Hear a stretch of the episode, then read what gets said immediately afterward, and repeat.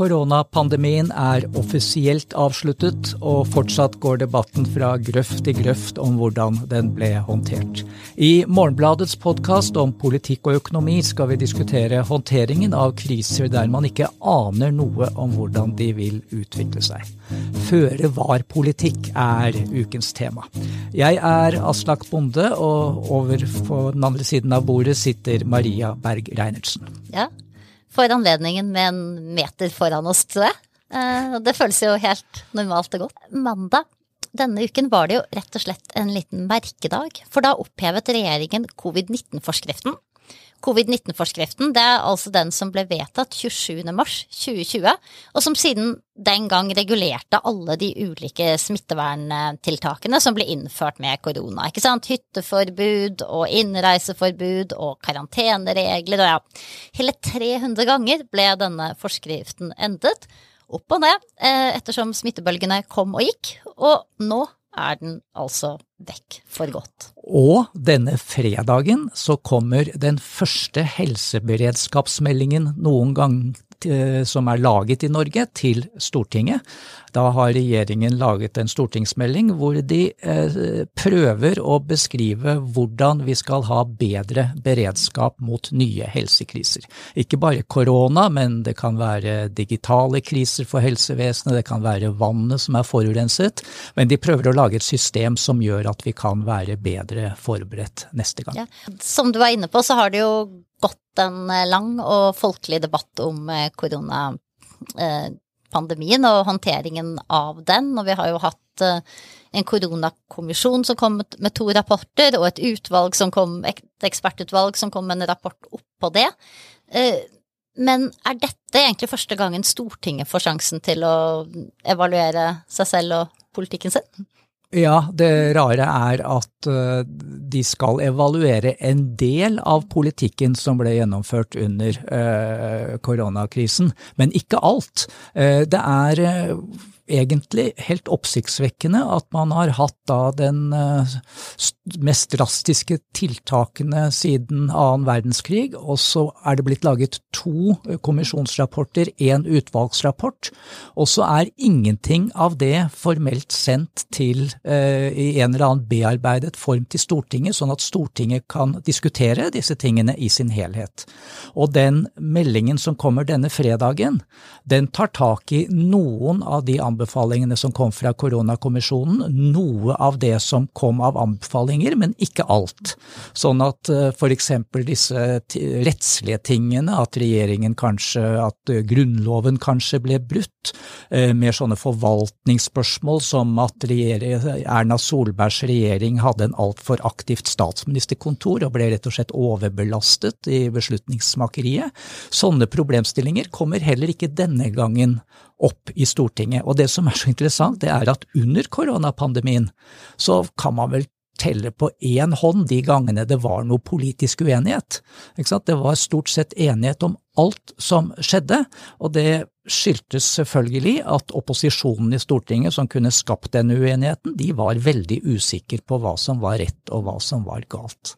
Mm, så da hadde det her på en måte vært en god anledning da, til å gjøre sånn som vi gjør når det norske modellen virker på sitt beste, ikke sant? Og samle utvalgsrapporter i en stortingsmelding som man så diskuterer og behandler grundig i en komité i Stortinget, har en, har en, debatt og liksom blir enige om hva var, hva var historien om, om oss hvordan, eh, hvordan, gikk dette. Men i stedet så må vi overlate til eh, den svenske statsepidemiologen eh, Anders Tegnell å skrive historien om den norske koronahåndteringen. For han kom jo som en bok denne, denne høsten, og han ga et intervju til Morgenblad. Der han også kom litt inn på hva som var forskjellen mellom, mellom Norge og Sverige. Syns du det var interessant, eller? Ja, absolutt. Og, og, det er jo Han har jo gitt utgangspunkt for eh, en debattartikkel som ble skrevet i Morgenbladet av Aslak Nore. Eh, samfunnsdebattanten Anki Gerhardsen har skrevet en artikkel også om hvor ukritiske vi var under hele koronahåndteringen. Og og den, den, er interessant, den boken til Tegnell, og også en dokumentar som ble laget om ham, som kom i fjor, eh, av en svenske som heter Viktor Nordenskjöld, som viser hvor selvstendig han var, og hvordan han det svenske systemet er helt annerledes enn det norske ved at det var egentlig frikoblet fra politikk, og at han på en måte var mye kulere enn eh, norske helsevernmyndigheter. Da, lot. Ja, Han ble jo dritkul, ikke sant. Folk tatoverte sånn Tegnell på armen og sånt. Det var jo ingen som tatoverte Nakstad på armen, eh, selv om han hadde en liksom stor eh, tilhengerskare i, i, i Norge. Eh, og de to ble jo på en måte hvis vi rekapitulerer, da, hvis noen har tillatt seg å glemme, så sto jo da Tegnell for en, og Sverige for en mye sånn mindre regelstyrt, egentlig, eh, håndtering av, av, koronapandemien. ikke sant? Den starta med å forby forsamlinger mer enn 500 personer. Oppfordra folk til å ta liksom en funderingspause før de gikk på kino. Eh, mens i Norge så var det jo mye mer regelstyrt, og den som ble liksom ansiktet utad til disse reglene, var jo da fungerende assisterende, eh, eller hva det var. Eh, helse, nestledende helsedirektør Espen Rostrup Nakstad, som var den som viste seg å liksom være best til å, å forklare alle de reglene som og dels liksom veldig sånn kompliserte reglene, som kom vår vei i løpet av pandemien. Og, og, denne boka til Tegnell har blitt brukt som et utgangspunkt for rett og slett eh, disse samfunnsdebattantene som sier om hvordan eh, Helsedirektoratet og Nakstad egentlig styrte all politikken helt uh, uten noe som helst politisk styring. De blir fremstilt som mer eller mindre diktatorer. Men jeg, jeg, og, og, det, og, det, er viktig element her at uh, da denne landskampen mellom Norge og Sverige er kommet opp igjen, altså det viser seg at dødelighetstallene over to år i Sverige var faktisk lavere enn dødelighetstallene i Norge. Men eh, tapte levehår, eh, som eh, de norske evaluatorene, andre Øystein Olsen, som var tidligere sjef for Norges Bank, de legger jo vekt på at eh, antall leveår er blitt færre i Sverige, fordi det var mange som døde det, det første koronaåret. Så det var altså mange, spesielt gamle, som mistet et siste leveår. Da. Og det sier seg egentlig selv at når det dør veldig mange ett år, så er det på en måte færre å ta av neste år, så da blir dødelighetstallene ganske lave neste år. Og det var motsatt i Norge. Men den landskampen skal vi egentlig ikke gå inn i, skal vi det? Nei. Nei, vi skal ikke gå inn i den landskampen, men eh, vi kan jo si noe om at dette er Dette også, ikke sant, bare det, de der to målene peker jo på, på noe av problemet med å evaluere det her, ikke sant. For i Norge så fikk mange eldre, da. Det ser vi jo. Et, et, av de veldig gamle, de fikk et ekstra leveår. Samtidig så var jo det leveåret veldig kjipt for mange av dem. De uh, var på sykehus der det var stengt ned for uh, besøk. Du satt litt sånn isolert i leilighetene dine. Du Da det var restriksjoner på besøk. ikke sant? Hvis familien din bodde i en annen kommune, så fikk de ikke møte deg i det hele tatt. Du har jo også skrevet veldig godt om det her. Aslak, en av dine din kanskje mest personlige tekst i ja, Morgenbladet ever, ikke sant, om hvordan, de, hvordan, det var å ha moren din på, på sykehjem under, under, korona. Ja, hun var blant de første som ble smittet og som døde av korona på sykehjemmet. Og eh, det som det, det, var ikke så ille at hun døde, for hun var så gammel at hun skulle nok dø det året uansett. Men det var de seks ukene hvor hun eh, ikke skjønte hva som skjedde, eh, og ikke skjønte hvorfor hun ikke fikk besøk av eh, meg og søsteren min. Det, det, var jo de ukene som var helt forferdelige for henne, antagelig. Det vet vi jo ikke, fordi vi slapp jo ikke til før hun var i koma, så vi vet jo ikke hvordan hun oppfattet de seks ukene, men vi antar jo at det var helt forferdelige uker. Og da kan du på en måte måte helt kynisk si da, at det kanskje hadde vært bedre om hun døde fortere, og at hun fikk sett oss på veien til døden, men samtidig sånne vurderinger er helt umulig å gjøre. Og når det går på makronivå, så, så blir det litt annerledes, da. Mm. Mm. Og, men, men, jeg tenker jo at det er uh, Jeg syns den historien er viktig, da, både fordi den, det er lett å glemme på en måte noen av de der dilemmaene sto i. ikke sant? Den, den, første våren da skole var stengt, da sykehjem var stengt, da grensen var stengt, og, og, og de, de veldig sånn, ikke sant, personlige belastningene det, det innebar for folk, og den, den, den, frykten vi levde med. ikke sant, Det ansvaret. Det er ikke sikkert det var enklere i Sverige. Sverige hadde jo også, det innrømmer jo Tedde Gnell i, i, i intervju med, med, med, med, vår kollega Ingrid også, at uh, det som skjedde på sykehjemmene i Sverige var jo heller ikke noe bra, ikke sant. Eh, der var det også mange som, eh, som ble smittet. Men, men det, det, bringer oss jo litt til dit vi egentlig vil i dag, da, for det er jo hvordan, hvordan evaluerer man det her i mm. ettertid? Og vet du hva jeg gjorde i går? Eh, da, da skrudde jeg klokken tilbake til Eller datoene, kan du si, tilbake til mars 20, 2020. 16. mars 2020, for da oppretta Morgenblad, der vi alle satt på hjemmekontor, en sånn kanal på intranettet vårt som, er, eh, som vi kalte Koronakanalen. Og, og, der la vi ut alle lenker til interessante saker vi så, eh, forskningsrapporter som ble publisert, debatter, spørsmål vi hadde, og, og den eh, Og så satt jeg og scrollet meg gjennom liksom mars 2020, den kanalen, for å se hvordan ting, ting så ut da. og det jeg sitter igjen med, er vel egentlig den der ekstreme usikkerheten. Ikke sant? Som, som ikke bare den, den, Du nikker, ja? Ja, jeg, jeg, nikker fordi den mener jo jeg at mange av oss som skrev om dette, faktisk ga uttrykk for. Mm. Og den usikkerheten ga også helsebyråkratene, eh, Camilla Stoltenberg og Bjørn Gullvåg, uttrykk for, sammen med Bent Høie og Erna eh, Solberg. Og, og det er en det forsvinner litt i evalueringen. Mm. Altså hvordan skal man evaluere situasjoner? Det er sånn etterpåklokskapsproblemstilling. Eh, og den mener vel jeg at veldig mange som deltar i den folkelige debatten nå, de tar ikke inn over seg all den usikkerheten som var da. Men det gjør faktisk både koronakommisjonen og det ekspertutvalget som var ledet av Øystein Olsen i veldig stor grad. De tar inn over seg den usikkerheten. Og og de på en måte problematiserer hva innebærer det å drive føre-var-politikk.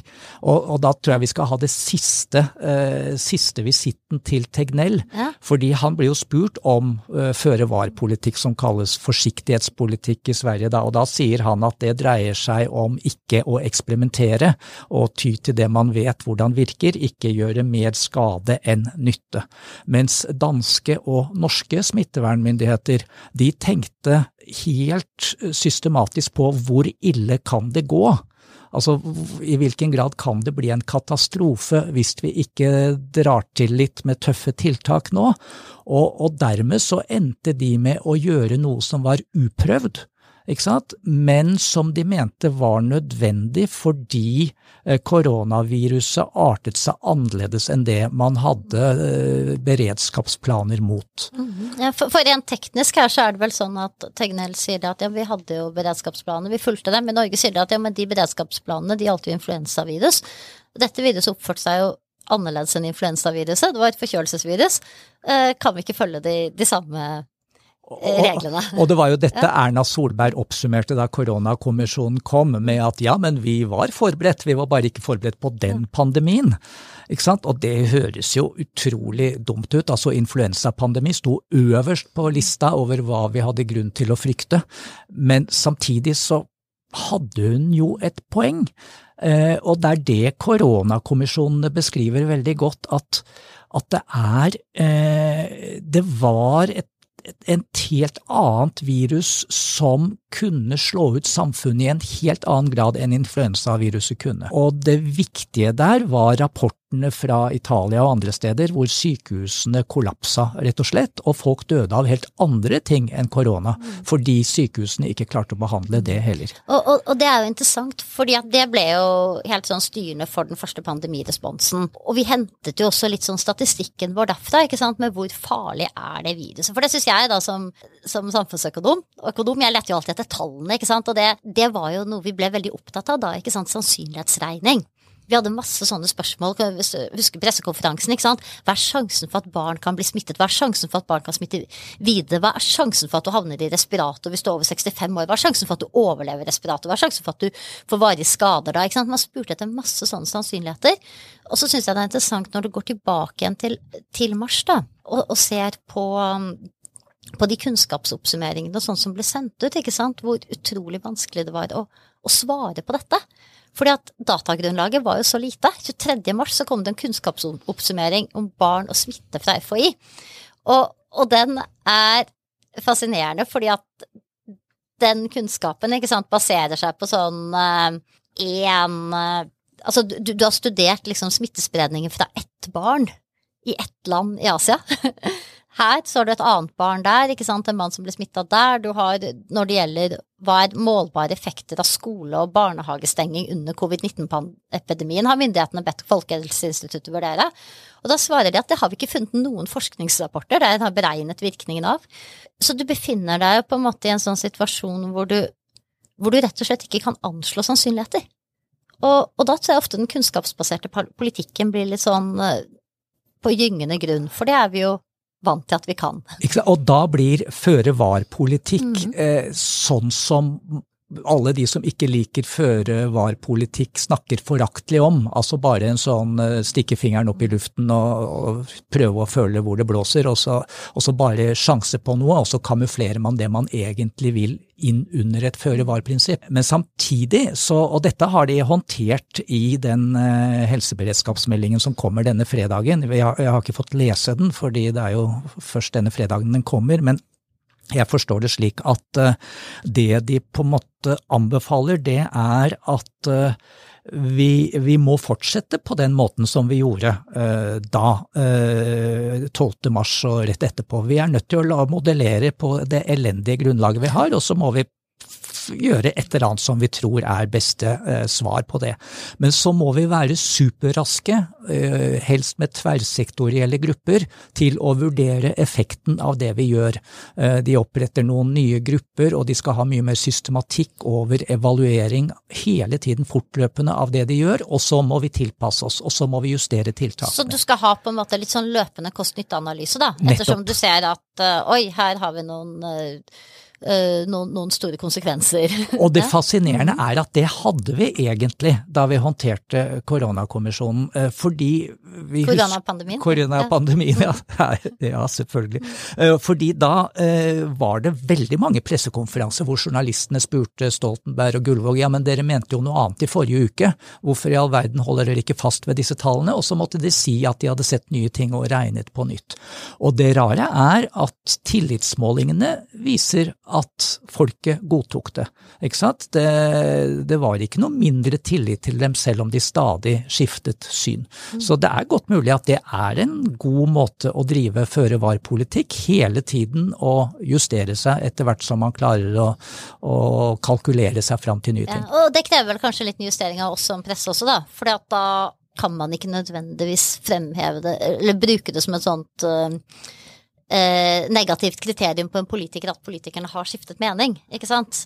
For det, det, er, det, er, vi ofte opptatt av ellers, ikke sant? at å, de vingler. Men her er kanskje det å vingle, hvis tallene ber deg om å vingle, en god ting, da. Nettopp, og, og da er du inne på medienes rolle, som, eh, som uh, mange nå, altså både Anki Gerhardsen og Aslak Nore i sine debattartikler, er veldig opptatt av hvordan pressen var ensidig pressa frem uh, egentlig smittevernstaten.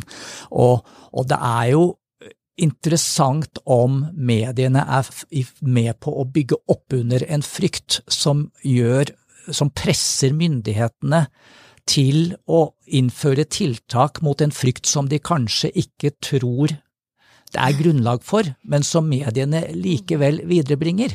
Og, og hvis vi går tilbake til 12. mars, da, så er det veldig interessant hvordan koronakommisjonen beskriver hvordan Bergen bestemte seg for å stenge ned skolene før den nasjonale nedstengningen kom. Oslo vurderte det samme. Og så skriver koronakommisjonen at hvis de store kommunene hadde stengt ned skolene uten at det ble gjort nasjonalt, så ville det vært en katastrofe for sykehusberedskapen. For da ville alle de som jobber på sykehus og har skolebarn, de ville holdt seg hjemme for å ta vare på barna, og da ville sykehusene kollapset. ikke sant? De hadde jo tre dagers sykemelding. Eh, og, og dermed så presset på en måte frykten ute i Bergen kommune og i Oslo kommune frem en nasjonal beslutning som kanskje myndighetene ikke isolert sett mente var nødvendig den dagen, men som var riktig når man tok hele bildet i betraktning, altså hvordan folk reagerte på det de sto overfor. Ja, og jeg føler meg litt medskyldig der, for jeg var jo en av de som satt og hadde tenkt å, å ta ut eh, barna mine fra Oslo-skolen mandagen etter tolvte uansett. Så, så, så, men samtidig så tenker jeg jo det der um, mediebildet, det, det, kan liksom slippe myndighetene litt lett av kroken også. For det var jo også en, en periode her, ikke sant, hvor man på en måte hadde politikk hvor, hvor Hva skal jeg si, da, hvor medie, hvor den offentlige debatten var ekstremt styrt av, av det som skjedde på pressekonferanser. ikke sant? Det var, det var lite pusterom for å, å ha en utvikle noe alternativ strategi, ikke sant. Det var sånn, husker du sånn de lakk Det kom sånn lekkasje av kunnskapsgrunnlag, nytt kunnskapsgrunnlag, og så var det heftig debatt om nytt kunnskapsgrunnlag et par dager, liksom. Kjempeskremsel, nå kan nye skumle tall.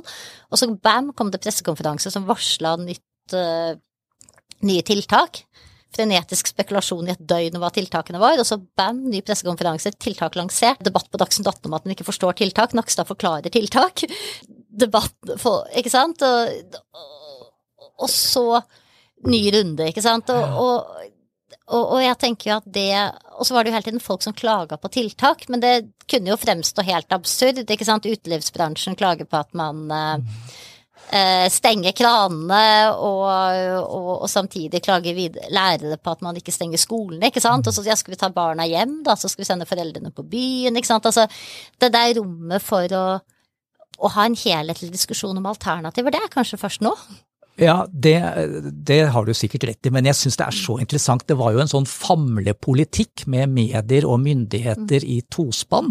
Utrolig interessant, og det er kanskje det som er føre-var-politikk under så ekstreme eh, situasjoner. Og da, vi, vi, vi, er nødt til å avslutte hvert øyeblikk, men vi må bare ta akkurat eh, føre-var-politikk på et annet felt, ja. nemlig på det økonomiske næringslivsfeltet. Oljepakken som veldig mange snakker om nå at ble altfor raus. Mm -hmm. Den var, NRK her da denne uka. Ja, ikke sant? Gikk innleie. Den var jo et resultat av føre-var-politikk. Mm. Oljeprisene stupte. Uh, man var redd for at uh, verftsindustrien ville gå nedenom hvis man ikke kom med kraftfulle tiltak. Men etter at Stortinget vedtok den støttepakken, så fantes det ikke famling. ikke sant? Altså, Det ble overhodet ikke gjort noen vurderinger fra uke til uke om egentlig disse tiltakene var nødvendige. Fordi da var det etablert noe nytt som det ikke var mulig å diskutere. Nei, for da vil det ødelegge forutsigbarheten for næringslivet, ikke sant. Mens vi eh, i, mens skoler f.eks. kunne leve med en sånn trafikklysmodell. Ikke sant? Eh, hvor, hvor, tiltakene ble tatt opp og ned hele tiden. Så lærdommen her litt er det at man neste gang det kommer en krise, da, så bør man kanskje ha en trafikklysmodell for økonomisk støtte også, eller? Kanskje det, ikke sant. At hvis man skal ta føre-var-politikk på alvor, så må den innbefatte at man fortløpende evaluerer om man har håndtert det riktig og tilpasser seg en ny virkelighet. Og det bør man også gjøre når man ser på vilkårene for næringslivet. Dette var en sterk uh, uttalelse ja, helt på slutten av denne podkasten. Ja, knallsterk uttalelse i en podkast som har handla mest om, uh, om, usikkerhet. Men uh, jeg tenker vi skal holde litt fast på det. Uh, i, det i, det vi slutter, ikke sant. Det kom en bok som rett før uh, Måneden før koronapandemien liksom traff verden, så kom det en bok av to uh, økonomer, Mervyn King og Richard Case, hvor de snakket om radikal usikkerhet. Og det som er et av hovedpoengene deres der, det er jo det at selv om du har den usikkerheten du kan regne på, tallfeste, det er sannsynlighet, og så har du den usikkerheten som du ikke kan regne på. Men også der så kan du jo alltid ikke sant, vurdere har du god grunn til å tro det du gjør eller ikke. Har du god grunn til å, til å altså er det, er, Finnes det liksom gode argumenter for å tro at verden vil utvikle seg sånn eller sånn? Og, og det kan man evaluere i ettertid, de, de argumentene, for at du f.eks. stenger opp eller ned samfunnet eller gir det. Det er en bok flere enn du burde ha lest før vi startet evalueringen av uh, koronapandemien.